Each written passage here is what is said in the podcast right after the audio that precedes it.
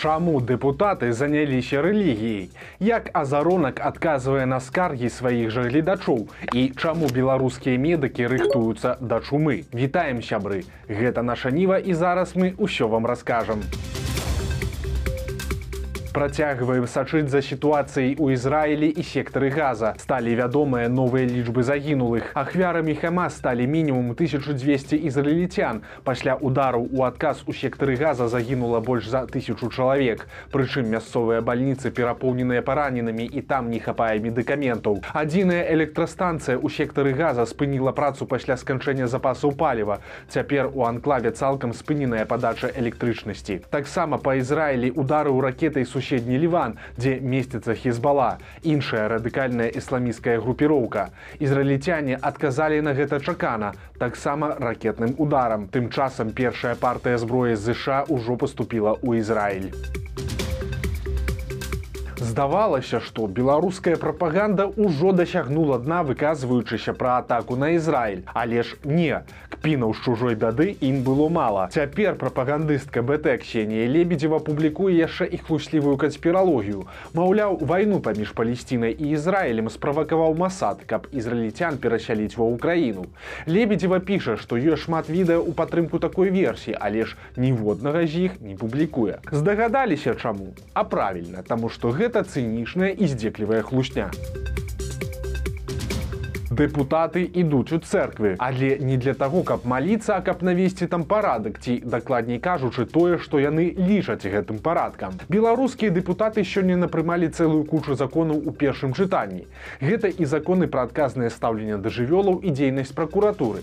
Сярод іх прынялі і законы, які забараняе дроны фізічным асобам і закон, які прадугледжвае хімічную кастрацыю для гвалтаўнікоў дзяцей, а таксама прыняты закон, які будзе рэгуляваць рэлігійную сферу. Цяпер там падрабязна прапісалі парадак ліквідацыі рэлігійных арганізацый. Таксама закон забараняе ў месцах набажэнства ў любую сімволіку акрамя рэлігійнай, забараняе пікетаванне, распальванне варожасці і гэтак далей. Таксама і гэта самае важнае. рэлігійныя арганізацыі чакае абавязковая перарэгістрацыя. Калі коротко, то закон дазваляе пазбаўляцца ад нязручных для ўлады церкваў. Беларуская праваслаўная царква на чале з веньямінам цалкам падпарадкоўваецца лукашэнку. Каталіцы каталіцкая спрабуе з ім дамаўляцца. А вось да пратэстантаў евангелістаў і уніятаў ва ўлады ёсць пытанні. Згадаем тую ж пратэстанцкую царкву новае жыццё якую улады абвінавацелі ў экстрэміскай дзейнасці. Таму лукашенко вырашыў дзейнічаць па той жа схеме што і з палітычнымі партыямі. Зручных для сябе улады перарэгіструюць іншых не.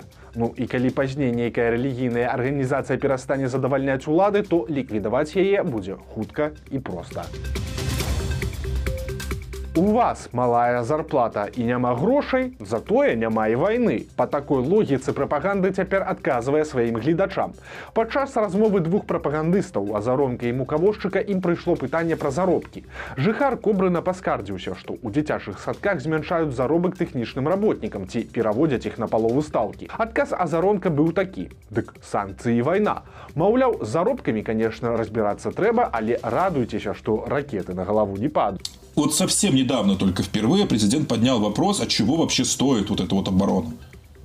То, что на нас еще не летают ракеты. Извините, первый прилет ракеты, и вы забудете про расчетник, про детский садик, про ставки. Ну да, вы будете спрашивать, где бомбоубежище. Вот. Вот что вы будете спрашивать тогда.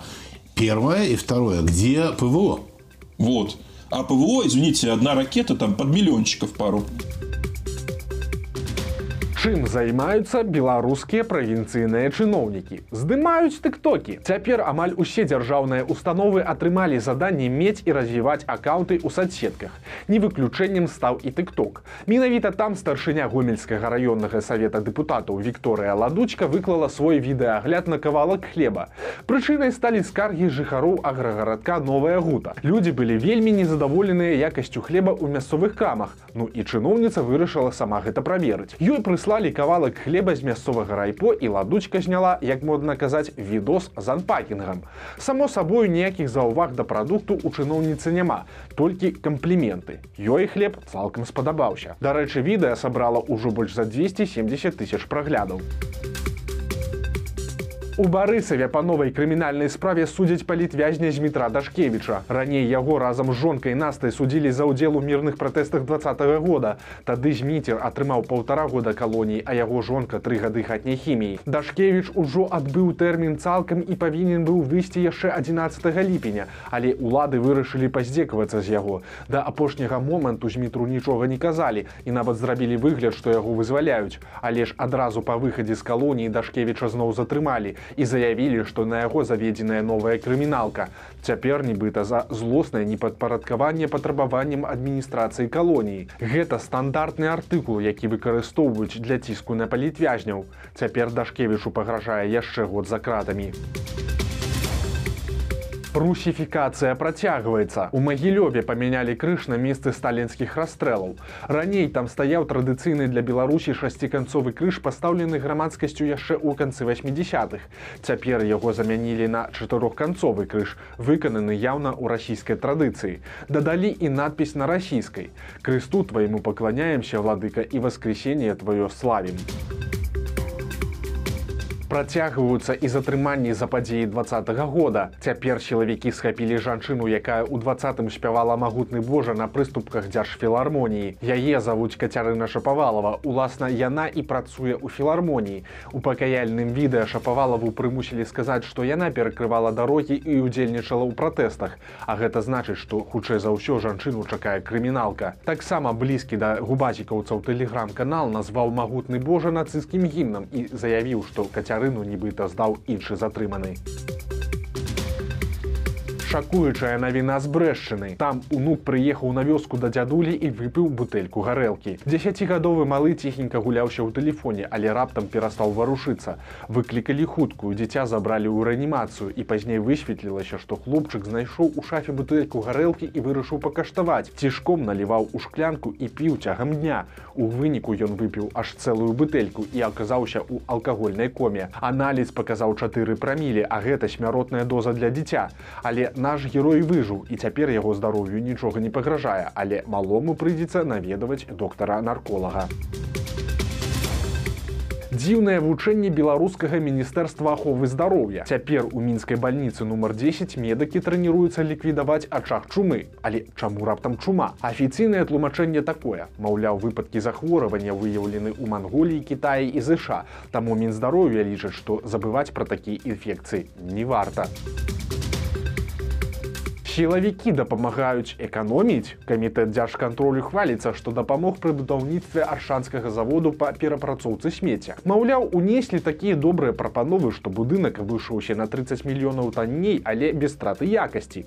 Цяпер на чарзе падобны праект у наваполацку у адразу некалькі ахвяраў цягнікоў. У быхаве 82гадовая бабуля вырашыла перабегчы рэйкі перад цягніком але ж не разлічыла магчымасці і проста не паспела. Яна загінула на месцы. А у барысаўскім раёне чыгунку перабягала п'яная парачка прычым мужчына быў на мыліцах і гэта прывяло да бяды. Адна з мыліц захрасла і парачка разам звалілася на рэйкі. Жанчыну паспелі выцягнуць мінакі а яе кавалер загінуў. у вяртанне десятгадовага рэцдывіста месяц таму нехта абрабаваў краму з вейпамі ў гродні. На камерах убачылі што злачынцы гэта двое дзяцей прычым завадатуру усяго толькі 10 гадоў. Хлопца тады хутка злавілі і аказалася што гэта не першы яго крымінал. Да таго яго лавілі на крадзежы аж восьмі ровараў. Але ж цяпер гісторыя паўтарылася. Малы зноў абрабаваў тую ж самую краму з вейпамі і зноў трапіўся на відэа. Цяпер яго маці прыйдзецца зноў аплаціць прыгоды малога сына. Так таксама сям'ёй будзе займацца камісія па справах непаўнагадовых калі у вас ёсць пару соцень тысяч еўра то звярніце ўвагу. У парыжы за аукцыёну прададуць творы славутых уражэнцаў беларусі шагала і суціна. Правядзе таргі славуты дон соцбі таму кошты кусачы пачатковы кошт карціны хаіна суціна сельскі пейзаж у серы 600-800 тысяч еўра. Кветкі грушы і вінаград і два букеты шагала ацэньваюцца прыкладна ў 300 тысяч еўра кожная. у Вось такія навіны серады. Подписывайтеся на канал, стаўце лайки альбо дызлайки і выказвайце свае заўвагі ў каментарах. І канешне, чытайце нашу ніву, глядзіце нашу ніву і любіце Беларусь. Да сустрэчы заўтра.